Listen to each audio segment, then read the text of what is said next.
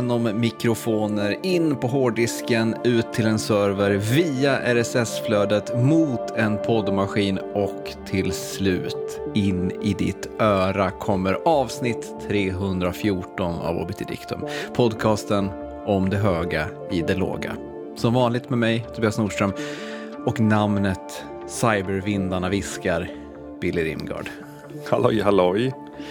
Hur har du det i värmen? Eh, jo, men det är väl eh, okej. Okay. Det är morgon när vi spelar in det här så det känns som att det är liksom så här, man, man, börjar nästan ställa om till så medelhavsliv. Alltså man Just vet det. att man har några timmar på förmiddagen, man vet att man har några timmar senare på eftermiddagen, men sen vet man att mitt på dagen finns det ett sjok då det liksom inte är någon idé att tänka att här, här blir det saker gjorda, utan det är bara ge upp de timmarna på något sätt. Så 11 till 19 är det sjoket för mig. Ja. Det, det, det, är en sån där klassiker. Jag kommer ihåg att för, kanske, nej inte första gången, men bland de första gångerna jag var utomlands var på en sån klassisk solsemester till Kreta. Mm. Eh, och då kommer jag ihåg att så här, man själv då, jag, jag, var ju, jag var ju ett barn, jag var ju sex år gammal, så då, eller om jag var sju eller åtta, någonting sånt. Eh, så man vill ju bada i havet hela ttiden liksom. Eh, men att då eh, lokalbefolkningen där vi var, de badade liksom när solen hade gått ner. Just det. Och, och att man var så här, som barn fattade man inte varför. Nu, nu fattar jag så otroligt mycket att liksom så här, man går ner i havet och svalkar sig när man har överlevt 35 mm. grader värme hela dagen. Liksom. Men det, så, så där är jag extremt mycket. Alltså folk som är ute 13 och 30 på sommaren. De är ju fan sjuka i huvudet på riktigt. Framförallt de som ligger på så gräsmattor och sånt och, och solar liksom. Det det ja, det, det är glad, jag är glad att jag liksom inte har så många sådana i ens min bekantskapskrets. För att det är de det är jag undrar, där det jag skeva börjar. jag undrar hur länge till det där kommer liksom pågå. För om man tittar, alltså så här, jag tänker att i grunden handlar det ju om att vi i Sverige inte har så mycket sånt väder. Så när det kommer är det bara åh, åh. Medan om man tittar på länder där normaltillståndet är det där, då är det ju då är det liksom mer kulturellt accepterat att när det blir så där varmt, då sätter man sig i skuggan. Man kanske till och med går in och stänger, liksom drar ner stänger fönsterluckorna och liksom mörklägger för att man liksom det. Så här, det är socialt accepterat att värmen är liksom farlig. Den ska man inte liksom stå i. eh, så jag tänker att här, om, om utvecklingen fortsätter som den är så kanske vi också kommer in i det där på något sätt. Mm, ser vi fram emot. Hörru du, kan det vara så att Oddpod har en osynlig hand i, i världen som styr saker eller har vi bara fingret på pulsen? Eh, flera eh, lyssnare uppmärksammade oss på att eh, det eh, nyligen har kommit en, eh, eller nyligen, i förra veckan kom en Netflix-serie om flygkaparen D.B. Cooper som ju vi pratade om för en månad sedan ungefär här, här i podden. Eh, spoiler alert! är det en spoiler alert att han är flygkapare? Nej, nej, men alltså det är kul att vi snackar igenom hela historien och sen kommer en liksom ja. skön sommarserie. Så alla som har lyssnat på Oddpod, helt meningslöst att se sommarserien. Nej, det, var, det är det väl inte. Det, det framkommer säkert massa roligt där. Jo, säkert. Men det blir lite så här, när man vet att så, hela grejen med D.B. Cooper, att for, ingen fortfarande vet vem det är. Så, så, när man sätter sig och börjar titta på serien med den utgångspunkten så, jag vet inte, de kanske säger det i början på serien också, jag har, jag har inte hunnit kollat. Eh, men sen också i förra avsnittet så pratade vi om eh, vad som har hänt med kritik, kulturkritik i detta tidevarv med utgångspunkt i just filmkritik. Och som ett brev på posten, och några dagar senare så eh, gick eh, nyhetsbyrån TT ut och berättade att de lägger ner sina filmrecensioner. ja. Jag tänker, det, det, är liksom så, det, är väl, det kan de väl göra om de vill, men det innebär ju i praktiken också att jättemycket landsortstidningar blir utan eh, filmkritik då, eftersom att de inte har egna filmrecensenter utan köper in recensioner från, från TT bara. Ja, det gör ont när den oddpodska sabeln svingas. Då eh, måste vissa, viss filmkritik offras på det altaret. Jag, jag, hoppas, jag tror inte att det är så, men en liten del av mig är ju också lite orolig att det var att någon lyssnade på Oddbod och tänkte bara ja, nej det här var spiken i kistan, någon, någon chef på TT bara nu lägger vi ner det här, det, det, det, det, är, inte, det är inte värt. Eh, jag läste en, en liten grej som jag tänkte på det vi pratade om senast med, eh, vi behöver inte fastna i det, men eh, en intervju med Ethan Hawke som ju var med i, eh, det, det, vad heter det, Marvel-serien, alltså tv-serien Moon Knight, eh, som väl kom i våras tror jag, någonting sånt där. Mm. Han blev intervjuad i något sammanhang, jag kommer inte ihåg, fattar inte riktigt varför, men eh, av sajten Indiewire och pratade då lite grann om det här med, eh, ja men Scorsese har ju gått ut och, och pratat om att liksom Marvel-filmerna är inte cinema och bla bla bla bla bla. Eh, och så då blev Ethan Hawke frågan om det i den här intervjun och liksom så hur han tänkte på när han promotade Moon Knight eh, utifrån det här som Scorsese pratade om. Och då sa Ethan Hawke en grej som jag ändå tyckte var lite intressant. Att han sa så här, Hey everybody, this is not Fanny and Alexander. Uh, if you keep reviewing these movies that are basically made for 14 year olds like their Fanny and Alexander or Winterlight, alltså nattvardsgästerna, then who the hell is going to make win uh, Winterlight, alltså nattvardsgästerna? Mm. Tror du att Ethan Hawke har en poäng här?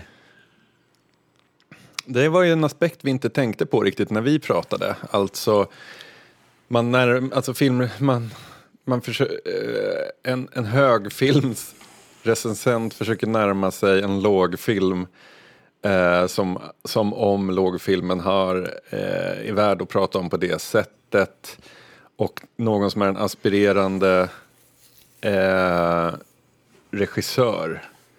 Hen läser detta och tänker att ah, superhjältefilmer, det, då kommer folk prata om mig så här. Mm.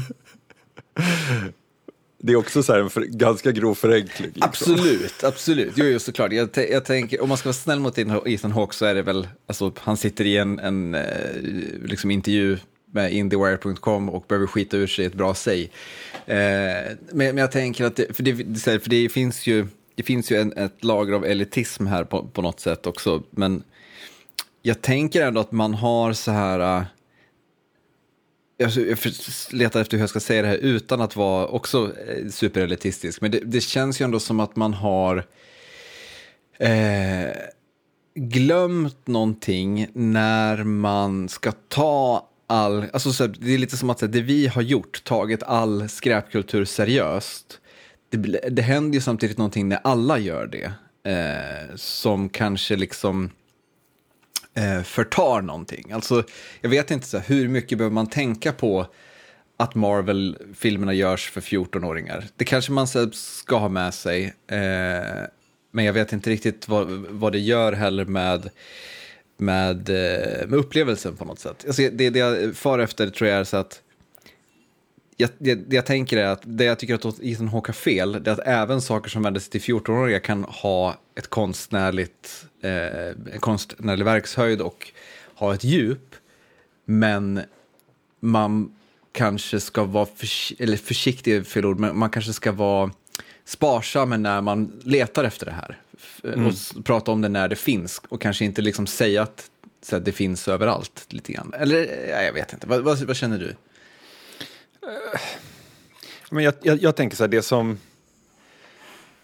jag tror att Scorsese och de vänder sig emot det är ju att vi pratade om frihet, eller liksom, jag tänker att det är en sån otroligt snitslad bana när du signar på för att regissera en, en Marvel-film. Alltså vad finns det att regissera egentligen? Mm. Det där är ju verkligen, regissören är ju den minst viktiga nästan. Alltså manusförfattare, special effects people och eh, de skådespelare som nu är associerade eller ska bli associerade med en viss superhjälte. Det är ju de som har, som spelar lead liksom. Eh, mm. En regissör där, det är ju bara någon, det är väl mer av en, en, en projektledare tänker jag. För jag menar, det, det, det, går ju inte, det går ju inte att göra något svårt i en sån film. Liksom. Jag, jag tror ja. att det, den typen av franchises är säkert regissör, regissörens eh, the bane of their existence någonstans.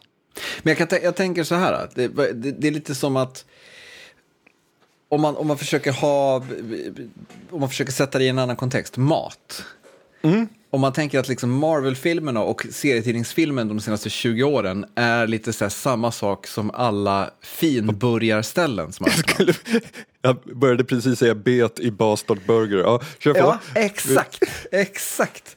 Um, Alltså helt enkelt då ställen som liksom inte är gamla, en gammal grill och det är inte liksom McDonalds utan så här, det är fortfarande snabbmat, men snabbmaten är liksom lite högre kvalitet, lite dyrare, eh, lite liksom bättre.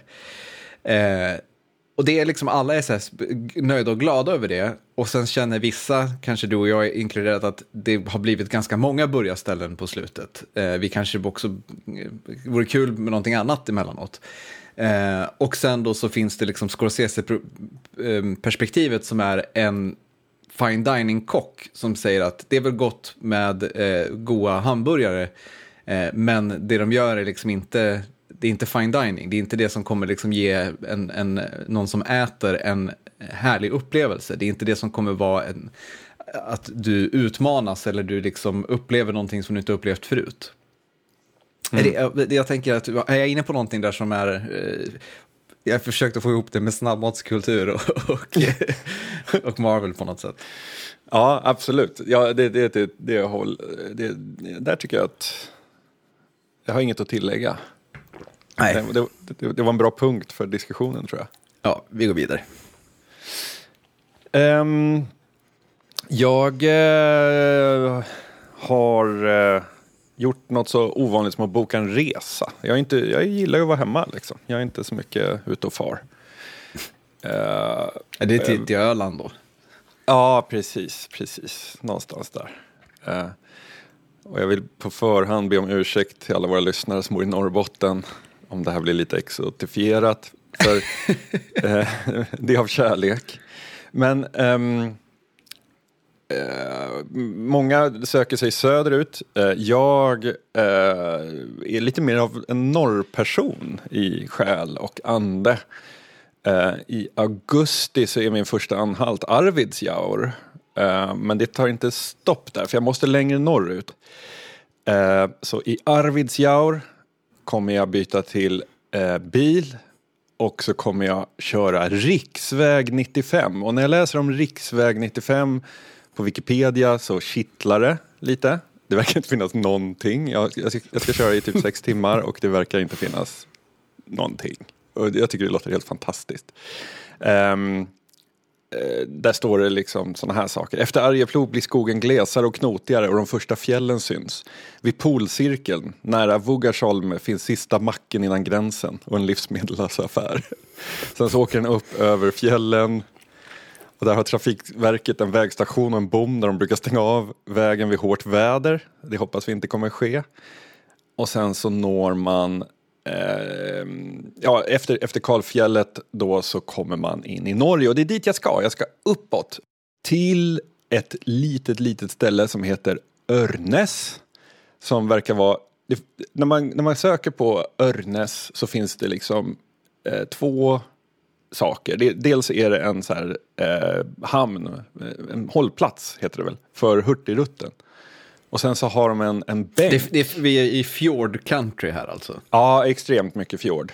Eh, och eh, sen så har de en bänk där man kan eh, eh fästa ett eh, hänglås för att besegla sin kärlek. det är liksom deras två grejer. Vi pratar ett par hundra invånare. Eh, jag ska faktiskt inte bo i Örnäs, jag ska bo i Glomfjord som ligger kvart därifrån. För Örnäs är denna helg jag ska dit helt fullbokad. Det finns inget boende. Och varför då? Jo, för att i den lokala... Men vänta, innan, innan du säger varför. Det, det, känns också som att det är lätt att det blir fullbokat. Mm, mm. Om, du, om, om du kommer dit tio pers så är det fullbokat. Ja, säkert. Så, så, så kan det vara. Um, men i den lokala jag tror att det är typ en handbollshall eller så, Örnäshallen heter det. Så är det eh, mellan den 13 och 14 augusti någonting som heter Arctic Gaming Experience som är då en Trackmania turnering. 16 av de bästa Trackmania spelarna kommer komma dit. Eh, det är stora prispengar eh, som står på spel. Ehm, och även ett helt gäng streamers och andra ska dit. Så det blir liksom en kombination av ett meetup och en eh, turnering. Eh, så att jag eh, är sinnessjukt peppad för denna helg ovanför polcirkeln och där ska jag få uppleva Trackmania IRL. Det låter ju otroligt. Det har något, det- eller hur? Ja, absolut. Men är, liksom så här, är det här ett konvent eller är det primärt en turnering? Eller vad, vad är liksom upplägget? Det är ett konvent slash LAN, alltså det pågår egentligen hela veckan. Eh, Tar du med många- burken då också? Vad sa du? Tar du med burken och kopplar upp så du kan vara Nej. med på LANet? Nej. okej. Ja, jag skippar det. Eh, Jag vet inte hur de olika streamersarna som ska dit, vad de kommer göra, men i och med att så här, det är ju smart för de har ju, eftersom det finns massa sådana här speedboating och hiking och alltså mycket eh, utomhussporter och sånt så är ju liksom eh, Många content creators kommer ju dit redan på måndagen eh, och så är det massa aktiviteter som inte är Trackmania under, under veckan också för dem. Eh, så att det är ju smart PR av Melöja kommune. Eh, och det finns, alltså allt det här är arrangerat av en eh, eldsjäl som eh, är aktiv inom Trackmania-communityt och aktiv då inom den här lilla orten och leder massa olika projekt där. Är det här någon form av liksom entreprenör vi pratar om som, som har hittat ett sätt att locka fler människor till kommunen eller, eller är det mer bara en, en härlig kommungubbe? Jag tror inte han är gubbe, ja, han kanske, han jo. kanske 25 liksom. Men, eh, men han, har liksom, eh, han har två poddar, en Trackmania-podd och en podd som handlar om hur fantastiskt det är att bo i Melöja kommun. Eh, Så han, han, han verkar Jag brinna vilken, extremt jag vet inte vilken jag vill lyssna på först. Nej, exakt. Man blir ju sugen. Uh, nej, så jag tänker det här kan sluta lite hur som helst. Eh, Jag tror, jag. jag. tror bara att det kommer vara en, en oerhört härlig, eh, härlig resa. Ja. Mycket, mycket awkward stämning som det brukar vara på, på LAN, men eh, Mm. det, det hör ju till. Exakt, jag kan bara hovra i skuggorna om det blir allt för awkward. Eh, Ja, men sen du måste tänka så här, du har ju pratat en del om eh, att du har visst komplex för din ålder i Trackmania-communityt. Det innebär ju också att du har eh, decennier av eh, erfarenhet av awkward stämning som kommer göra att du är mycket mer bekväm i det än alla andra som är där. Exakt, exakt. Ja, men eh, jag tänkte, eh, tänkte dokumentera det här på min, eh, på min Instagram stories noggrant. Eh, så man kan följa mig där om man vill haka på. Men det är ju fortfarande långt kvar. Det är som sagt den 13-14 eh, augusti. Ehm, får vi se om det finns någon täckning på riksväg 95 också. Det är ju spännande. Ja, det, där är ju, det, det, det där har ju någonting verkligen, jag vet inte hur många, sådana, sådana, så, hur många sådana områden som finns kvar, men just de typen av vägområden där det är liksom helt eh, radioskugga. Eh, jag kommer ihåg när jag var, när jag var, återigen när jag var barn, så vad heter det, brukade vi ibland åka upp till en, en stuga som mina mor och farföräldrar hade uppe i Härjedalen. Och då passerade man ett område som kallades för Finnmarken.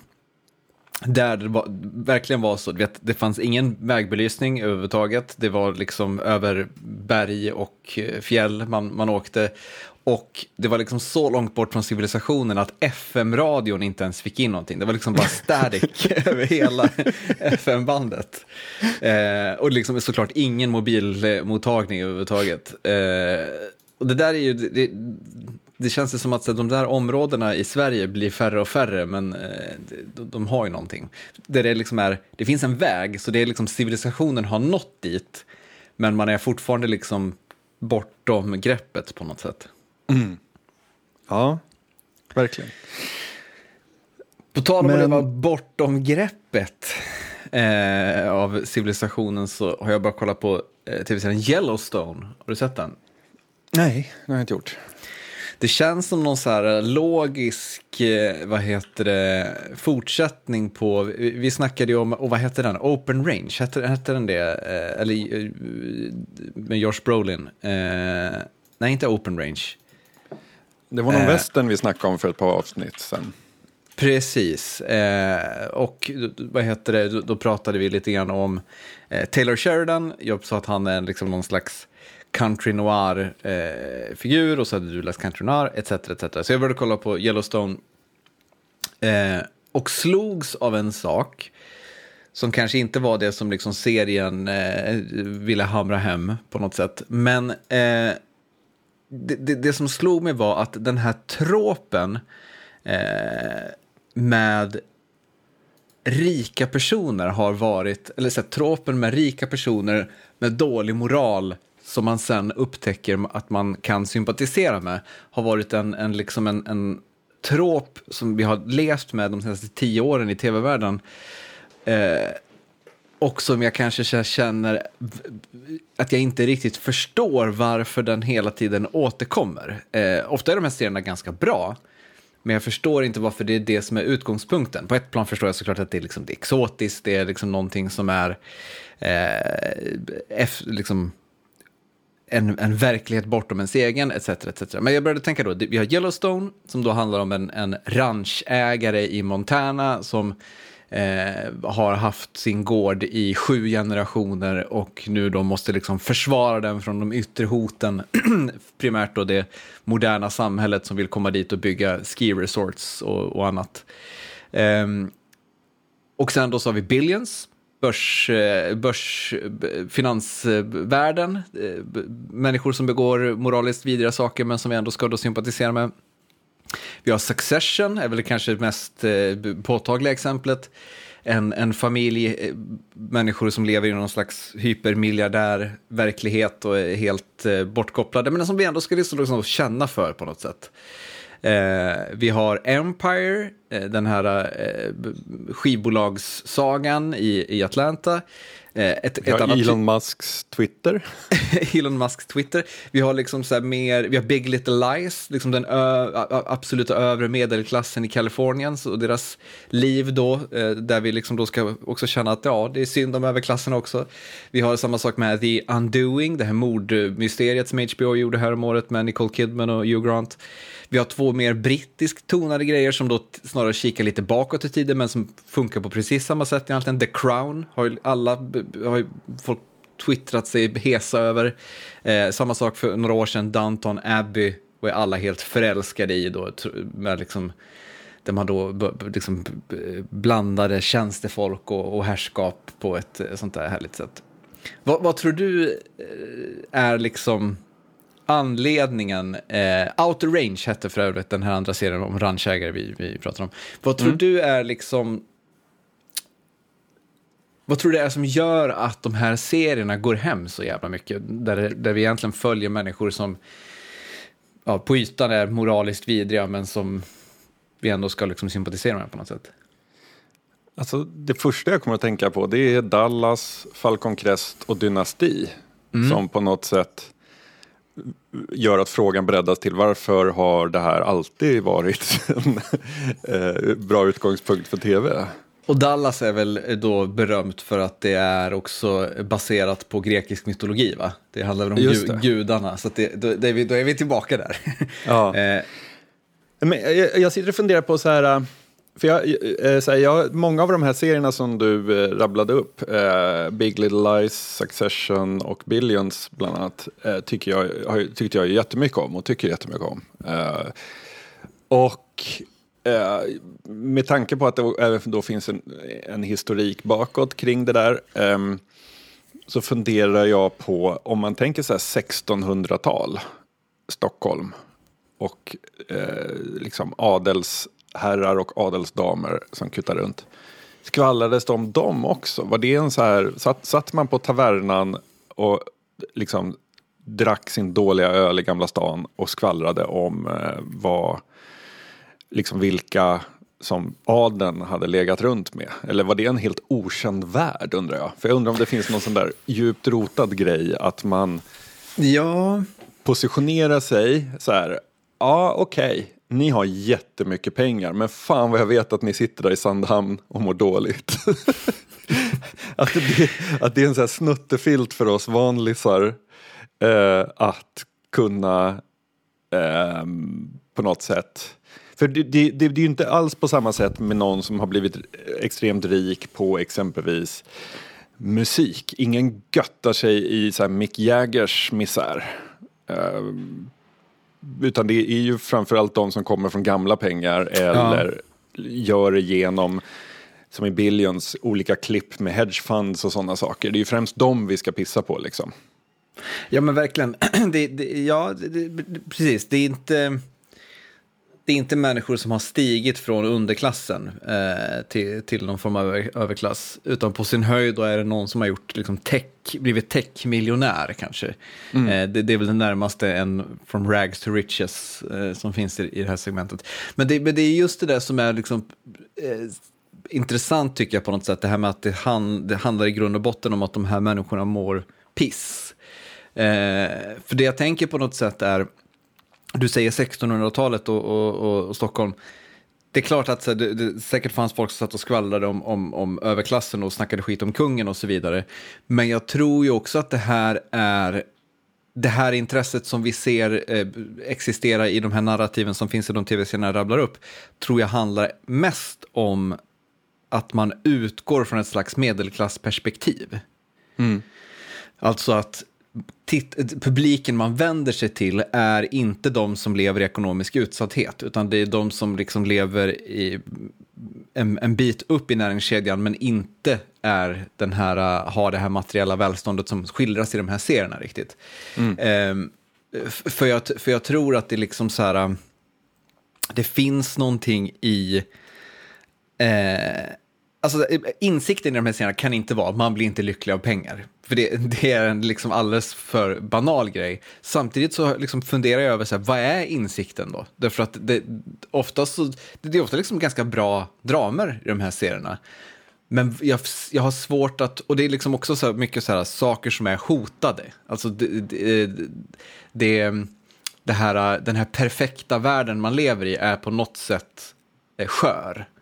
Eh, mm det, det, det, det är liksom, den, är, den är en hostile takeover från att allting bara faller samman på något sätt. I Succession så är liksom när som helst kan de bli upp, uppköpta eller vem ska kontrollera företaget, vem kan köra det i botten, etc. etc. Eh, och den där skörheten tror jag kanske är någonting som, som är en, en grundrecept. Jag, vet inte, jag spekulerar bara här. Precis, och jag tänker så här, en grej som det där kan, men det kan vara högst individuellt för mig eh, också. Eh, det är ju, alltså jag har ju turen att, att klara mig på, på ett jobb. Jag vet att det finns folk som liksom måste struggla med, med två eller tre jobb och eh, liksom, ingen diss mot dem på något sätt. Men jag, eh, när jag ser de här serierna och ser hur mycket de jobbar och hur mycket de sliter och hur mycket de måste kriga för att behålla sitt välstånd så tänker jag så här, fan vad gött det är att ha allt man behöver med, med ett jobb som jag kan gå hem ifrån. För att det, alla de här representerar ju i min värld också någonting som är ganska oönskvärt. Eh, eh liksom det här att ehm, eh, hålla på med detta eviga maktspel och eviga drama. Och jag fattar att verkligheten inte är så, men jag vet att verkligheten är, ändå är att man eh, jobbar väldigt, väldigt, väldigt mycket om man ska ha den där nivån av eh, position. Liksom. Eh, och så har jag funderat på om det är eh, ett verktyg för att dämpa strävan uppåt. För ing, det där är ingen verklighet man vill ha. Liksom.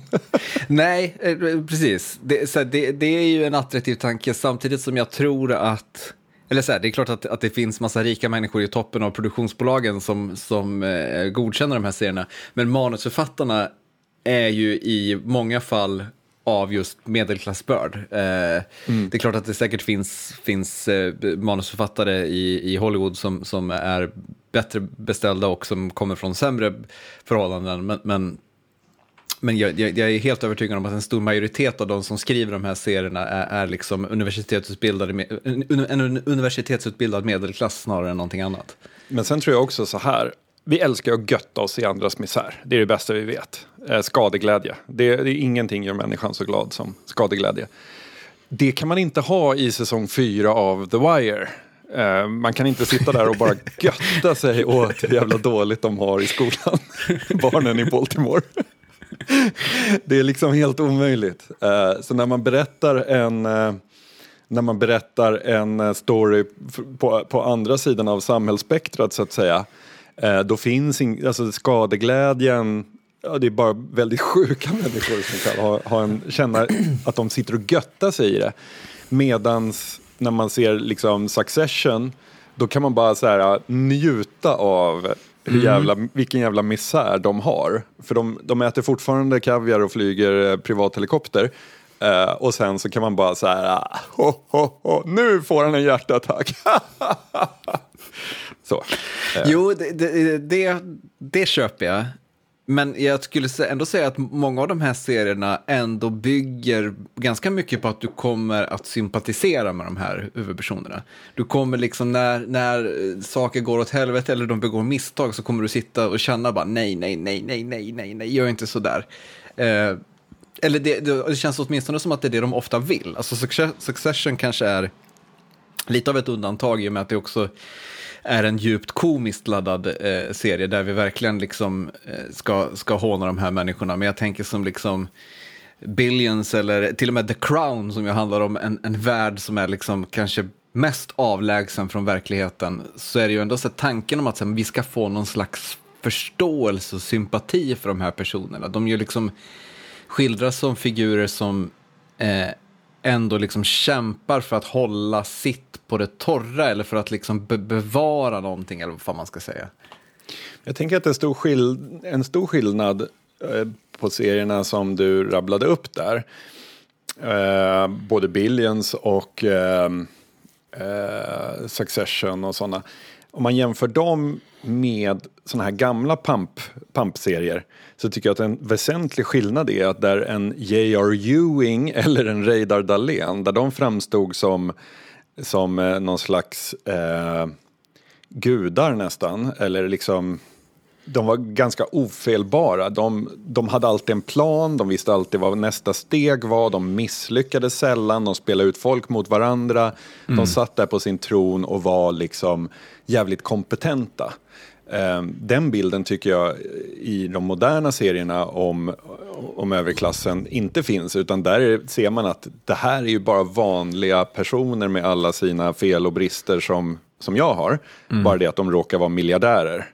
Um, jag, jag, tycker de är liksom de, de är liksom trasiga och missbrukare och eh, de får inte allting alltid rätt. De blir också lurade. Alltså det, det, det är en... Eh, eh, Ja, det är ju en, en, annan syn på kapitalism. Alltså man tänker att så här, eh, Rederiet och eh, Dallas står för liksom en, en äldre syn på kapitalism där liksom de här Reidar Dahlén och, och, och J.R. Ewing är ju liksom fabrikören. Alltså den, mm. den klassiska eh, mannen bakom skrivbordet som, som styr allt med järnhand på något sätt. Mm. Så, så, så är ju liksom nu, nu har inte, jag, har liksom, jag har aldrig sett Dallas, så jag vet inte, man kanske fick jättemycket insikt i hur J.R. Ewing kämpade moraliskt med, eh, med sina beslut, men jag tror inte att det var, det var fokus. Och det är framförallt inte fokus i de här eh, nya serierna överhuvudtaget, utan som du säger, det, det är väldigt mycket den, den här eh, de är, de är som oss-grejen. Eh, eh,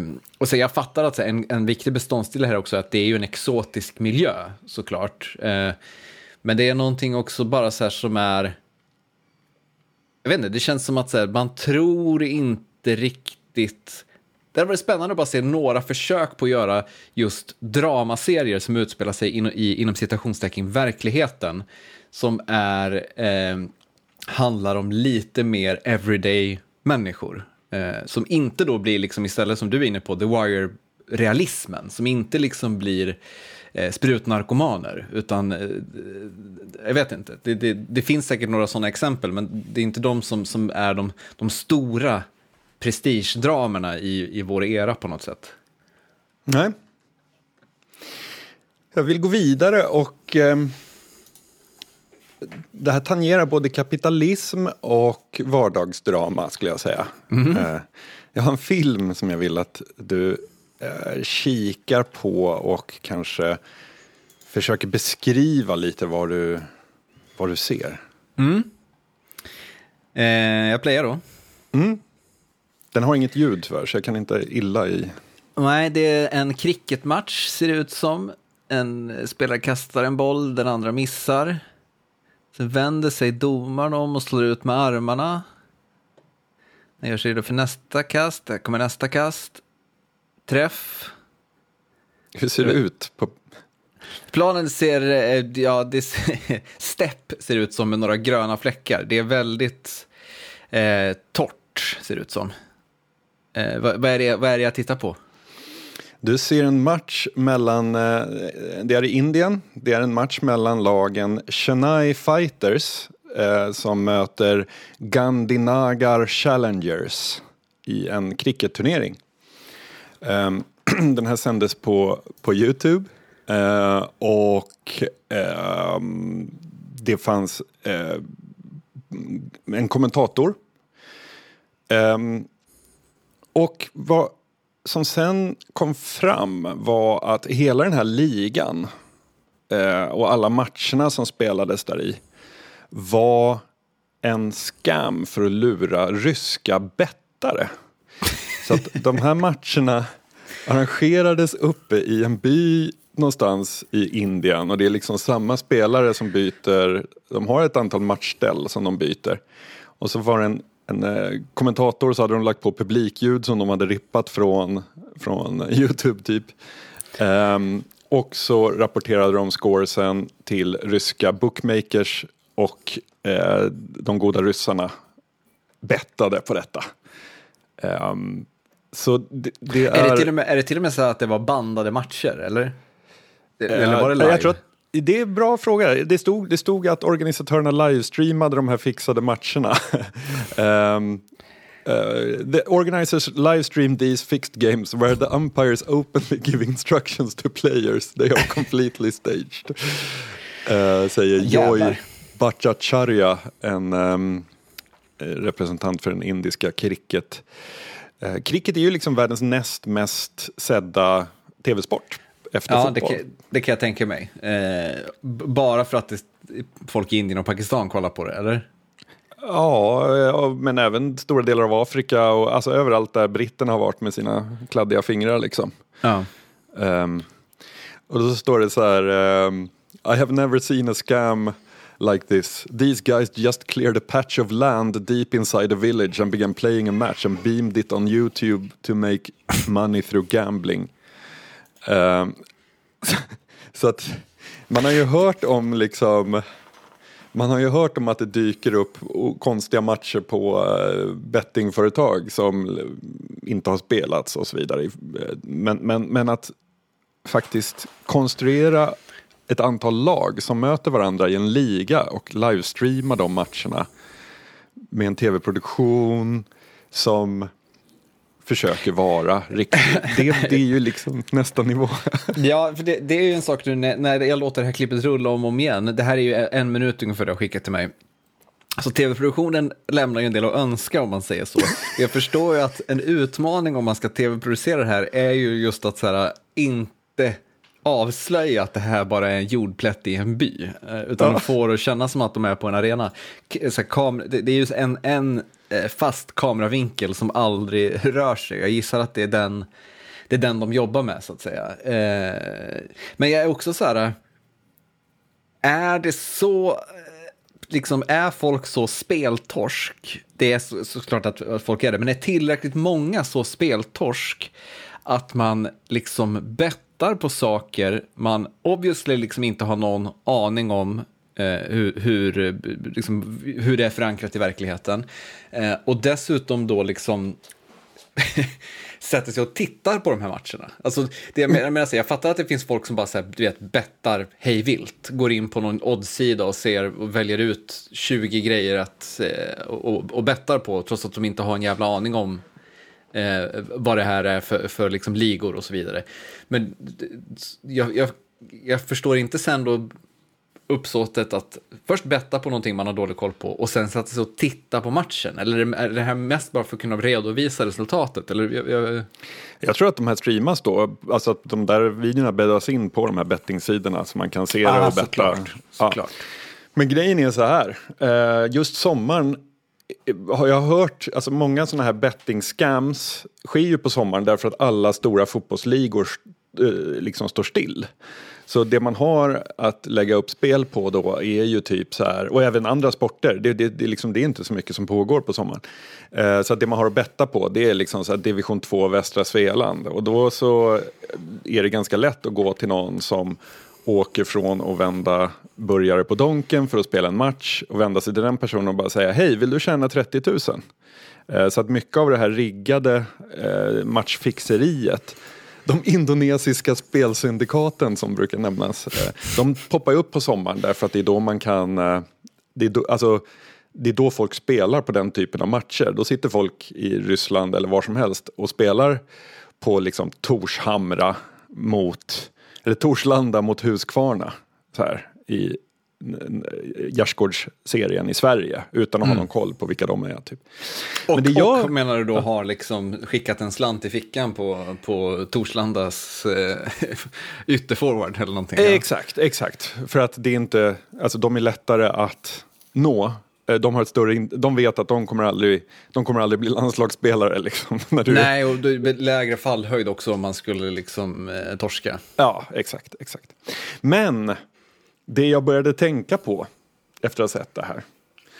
Det är, alltså, ta en sanktionerad cricketmatch eh, som spelas i en riktig liga.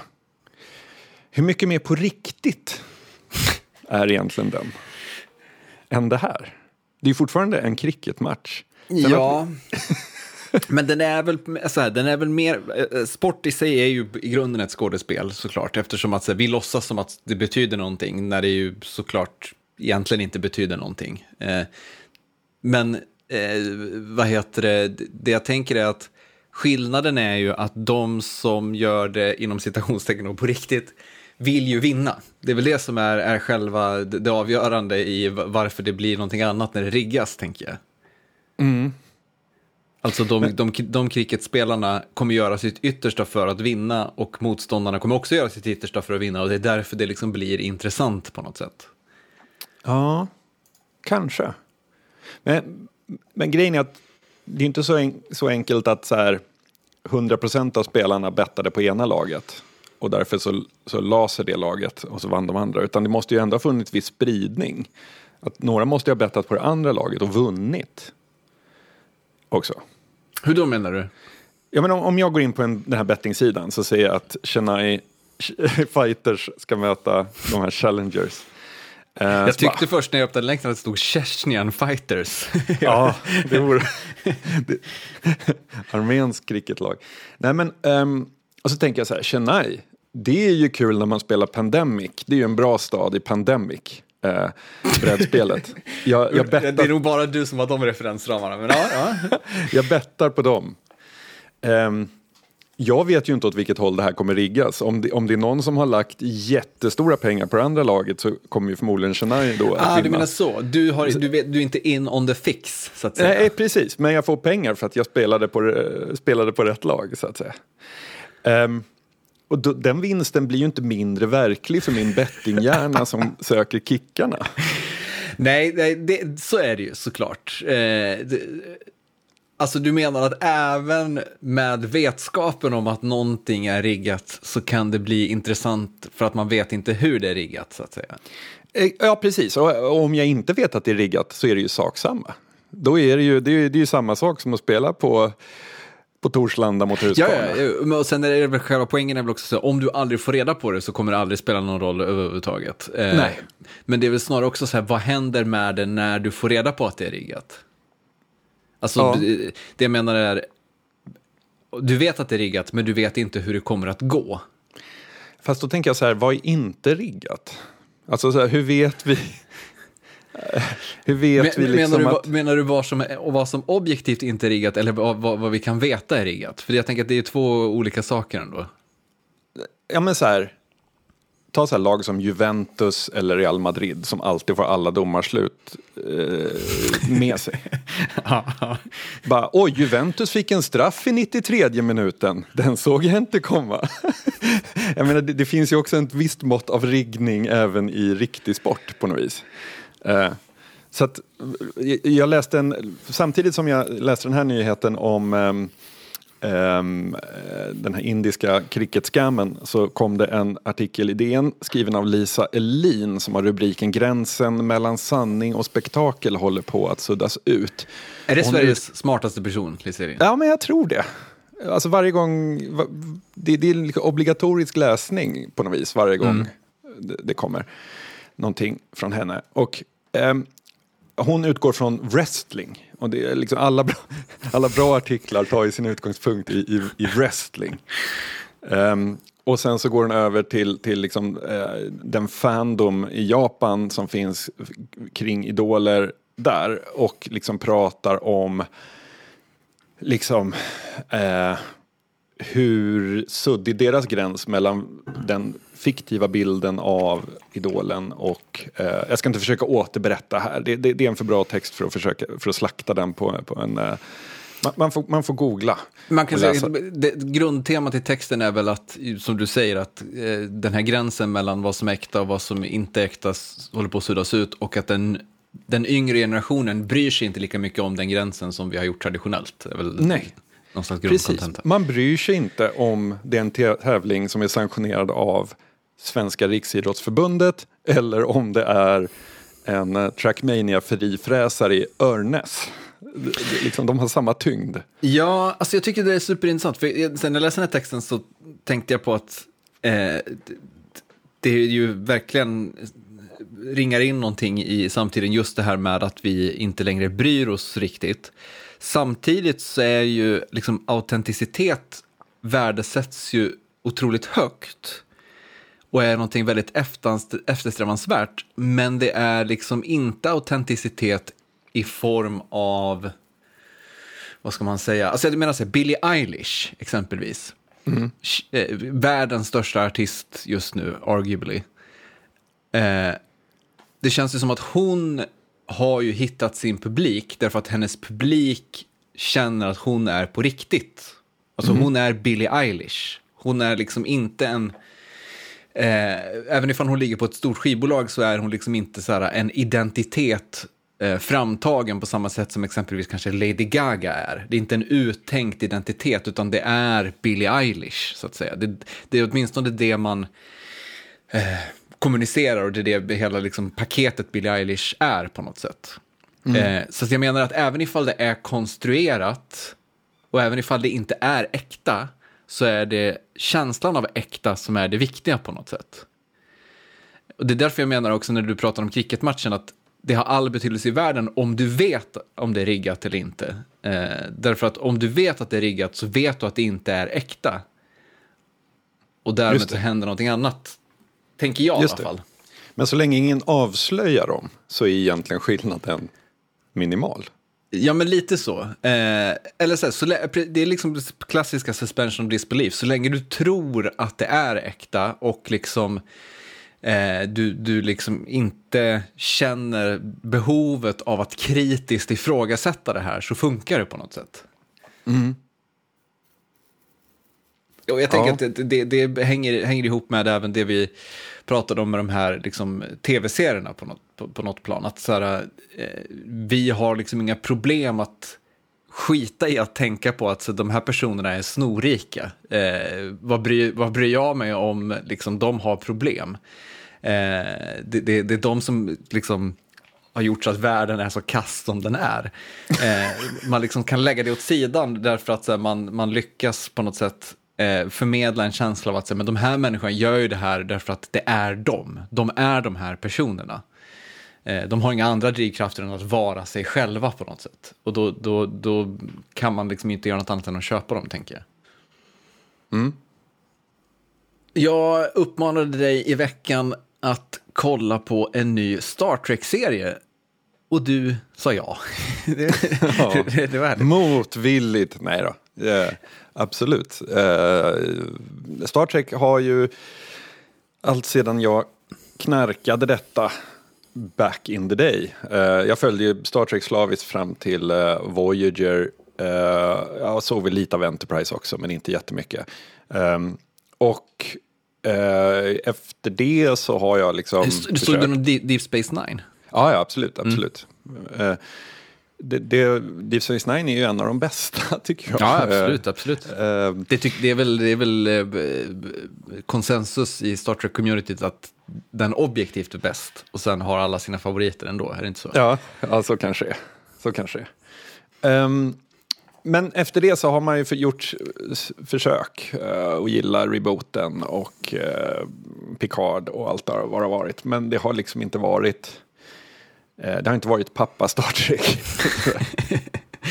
Eh, nej, det har kommit en ny Star Trek-serie som hade premiär i våras som eh, är en eh, spin-off på Star Trek Discovery eh, som ju har varit den Eh, den, den, eh, den Star Trek-serien som har gått parallellt tillsammans med Picard de senaste eh, åren. Eh, Star Trek Strange New Worlds då är en spin-off i det att en utav Eh, en av figurerna som har dykt upp i Discovery då, som är kapten, får en egen eh, serie. Det här är liksom samma, vad ska man säga, samma crew på många sätt, samma universum som... Får jag, Får jag bara ja. påpeka att han är också med i piloten i The Original Series. Måste Exakt. säga det bara så att ingen bara, så att ni inte behöver mejla och säga han dök inte alls upp i Discovery. Så, bara, Nej, ja. det var det jag skulle komma till, att det här är liksom också då som en slags prequel till uh, The Original Series. Ja, förlåt, eh. förlåt.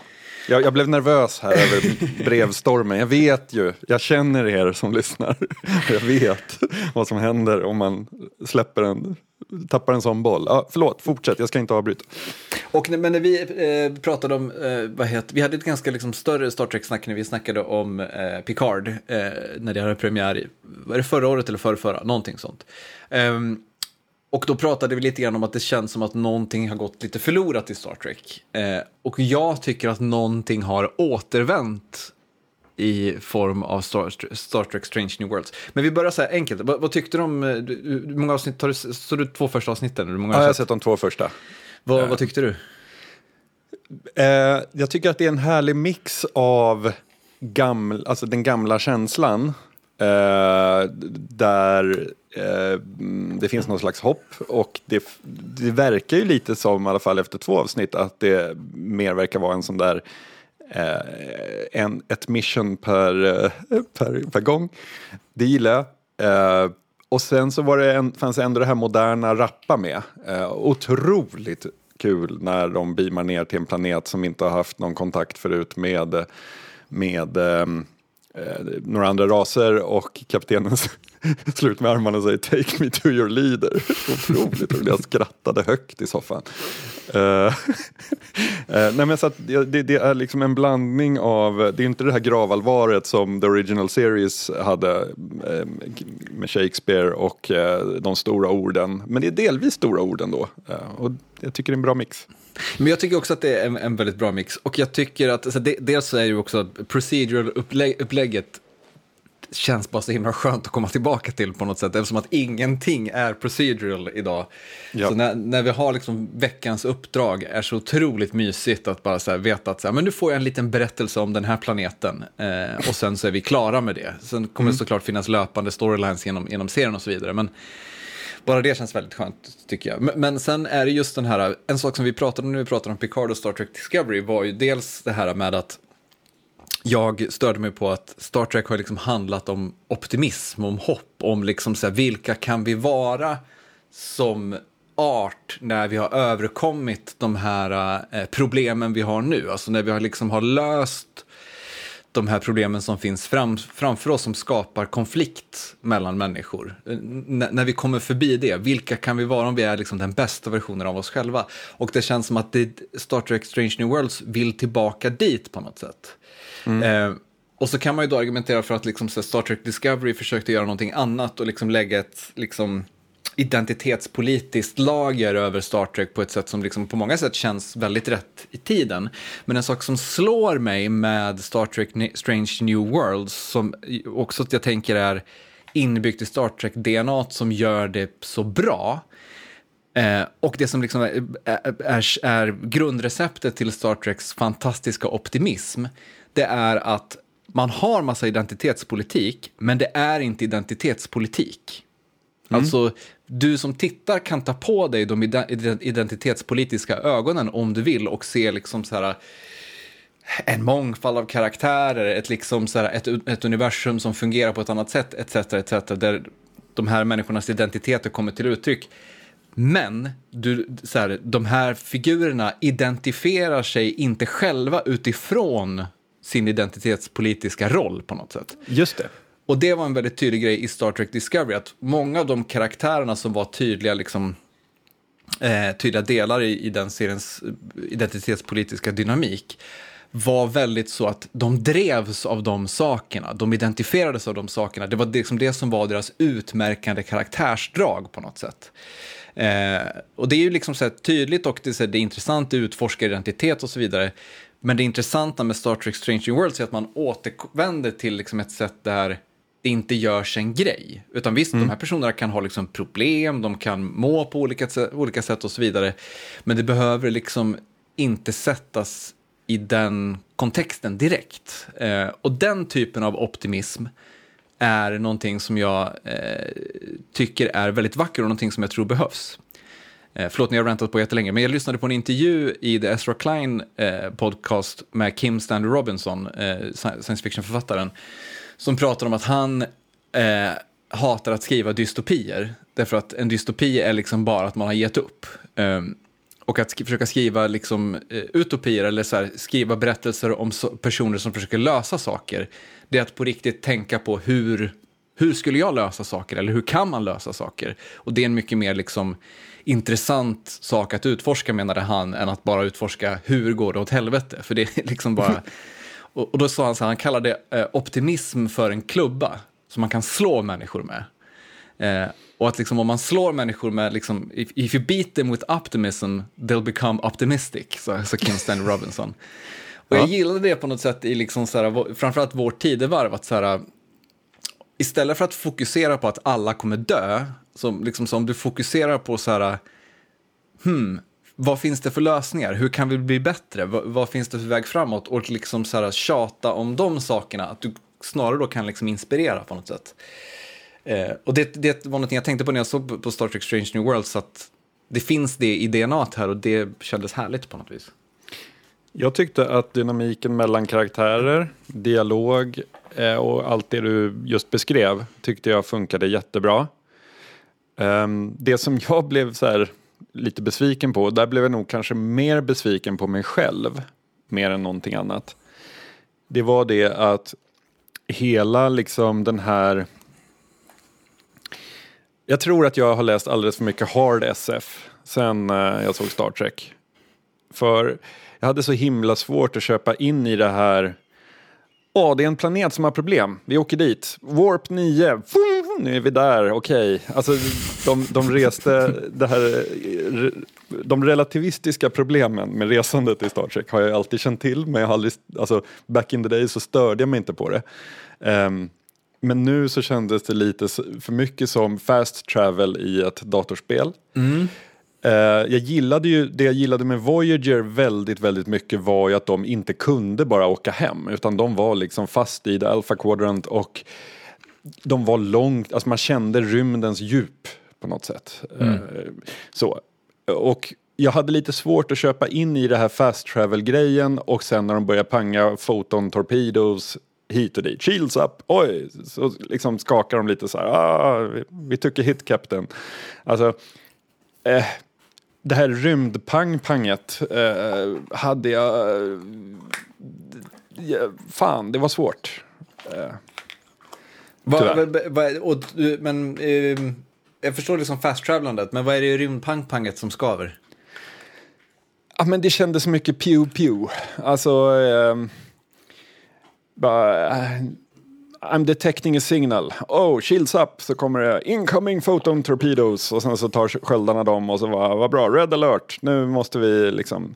Eh, det, det, det, kändes så, det kändes så banalt på något sätt. Eh, mm. och, och, det tycker jag var lite tråkigt för men, men jag tänker också att det är ju så här där är man ju skadad av någon slags Alistair Reynolds-värld där man har någon stor railgun som tar hundra år att liksom ladda och sen så har den ett skott och då kan den bara döda en galax. Liksom.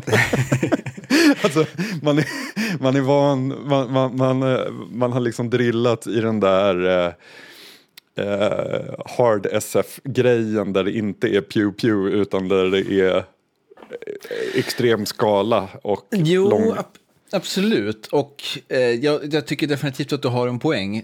Eh, och, men jag kan också tycka att det är lite befriande med lite pew-pew på något sätt. När vi har haft en period där all eh, typ av fantastik nästan har liksom hela tiden handlat om att nu håller, nu håller liksom mänskligheten på att gå under. Alltså allt har stått på spel hela tiden så länge att det är skönt när inte så mycket står på spel helt plötsligt. Ja. Eh, också om så bara för att man vet att det alltid ordnar sig. Alltså ing, inga liksom serier dödar av, jo det är klart att huvudpersoner dör av och sånt där, men, men så här, det, det är så Säg mycket till plot armor. Tasha det är- Yar. Vad sa du? Det? Säg det till Tasha Yar Ja, jo, jo, jo. Next Generation. Ja. Men så här, det, det, du förstår vad jag menar på något sätt. Det är så mycket plot armor och det är så mycket att saker bara löser sig i, i, i sista akten eh, Ja. magiskt. Liksom. Ja, men vi hoppade undan precis innan det, innan det, det, det sket sig och så räddades mänskligheten. Alltså det, det, det, jag tror att här är Marvel-filmerna en, en stor bov på något sätt. Att, här, man måste hela tiden ha så otroligt höga insatser att man blir bara helt, bara slutar bry sig efter ett tag. Men är det liksom Um, att vi sitter här och göttar oss åt att det är procedural, att de respekterar ett Star Trek-universum och sånt. Är det ett uttryck för att det är en bra serie eller är det ett uttryck för att vi till slut har hamnat där vi sa att vi inte skulle hamna, nämligen att eh, liksom, eh, blicka bakåt och tycka det var bättre förr? Nej men så här, jag, jag tycker ju, eh, så här, om vi då pratar om att DS9 är den objektivt bästa Star, Star Trek-serien, den, Star Trek Strange New Worlds kommer liksom inte in på topp tre, kanske inte ens topp fem eh, för mig. Eh, men det det handlar om på något sätt, och det som är, jag känner är uppfriskande, är ju just optimismen. Alltså att man är tillbaka till att tro på någonting. Eh, och det tycker jag känns som någonting, det känns liksom fräscht. Även ifall den här serien liksom inte uppfinner det på något sätt. Utan att det är att man hämtar hem det från någonting annat. Så känns det fräscht just för att det ger nytt liv till ett hopp. Som liksom vi har saknat i sci-fi under så otroligt lång tid. Eh, Ja. Det var därför jag också tog upp Kim Stanley Robinson, för när han sa det där så tänkte jag så mycket på att alla science fiction stories nu för tiden är liksom människorna i spillrorna från ett liksom sönderslaget samhälle. Mm. Alistair Reynolds, hela hans liksom stora universum är ju att allting har slagit i spillror av ett liksom galaktiskt krig i princip. Och sen nu är Ja. det de här motståndsrörelserna och, och människorna som, som kämpar för att hitta någon form av samhörighet i den här världen som, som, som skildras på något vis. Och det, är- det, är, så här, det är klart att det är fine de berättelserna också, men nu har vi nästan bara haft det i, i 20 års tid. Liksom.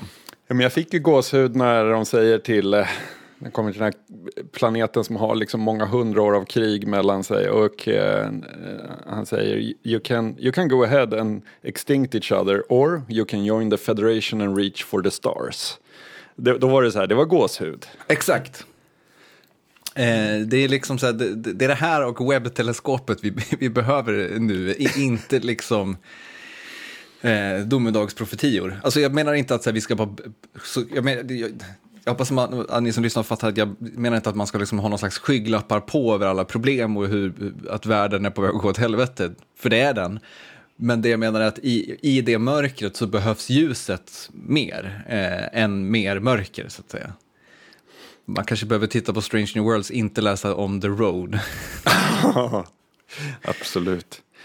Eh, men men eh, jag skulle vilja läsa en... Eh, visst, vi, vi, vi, har, vi har försökt närma oss utopin tidigare och misslyckats tror jag. Ja, absolut. Det kanske är läge för en utopibokcirkel. Gärna. Sci-fi-utopier. Eh, från, med, med nya böcker, inte, inte gå tillbaka till någon, någon jävla gyllene era. Eh, Nej. Men, men då måste man hitta dem. Eh, Det kan man mejla om, om man har något tips på en, eh, en sci-fi-utopi som vi borde... Hur, hur gammal får den vara? Ska vi säga min, som mest 15 år gammal eller? Ja, tio skulle jag säga. Jag, vill- jag vill ha, jag vill ha Du tio, ja. den nya eran eftersom så här, det måste, den måste ha getts ut efter True Detective säsong 1. Jag älskar det som ett slags en, en, en, en, kulturell vändpunkt på något sätt. Ja, faktiskt. Där gick vi in i mörkret, sen har vi inte kommit ut.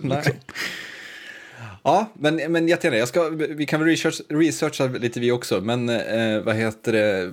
Maila jättegärna in förslag så, så, tar vi, så väljer vi ut en titel till, till nästa gång. Vi utannonserar titeln nästa gång så har vi lite, så alla hinner läsa också tills vi snackar om, om boken. Kontakt at oddpod.se. Jag skulle kunna tänka mig att man, beroende på hur långa de är, under hösten och vintern kanske försöker klämma fyra sådana, tre eller tre sådana. Tre är, är nog lagom. Det Ja. var jag mäktar med i småbarnslivet. Just det, sorry. Ja, det, såklart. Det, ja, vi, vi, vi, vi, vi, skapar en shortlist först och främst så ser vi Ja. vad vi, eh, vilka vi tar då. Kul. Ehm, vad säger du? Ska vi eh, lägga en våt eh, handduk på nacken och försöka uthärda denna dag? För nu måste jag börja slå på fläktarna här hemma känner jag. Jo, det, det tycker jag låter som en, en bra idé. Eh, tack till dig som har lyssnat och speciellt tack till dig som stöttar oss på eh, Patreon. Och gör du inte det så får du jättegärna börja göra det. Eh, man kan stötta med hur lite eller hur mycket man vill. Och det är eh, ganska viktigt för att den här podcasten ska fortsätta existera. Eh, om man vill stödja oss så kommer man in på patreon.com oddpod. Så hörs vi om två veckor. Det gör vi. Ha det fint. Ha det gött. Hej.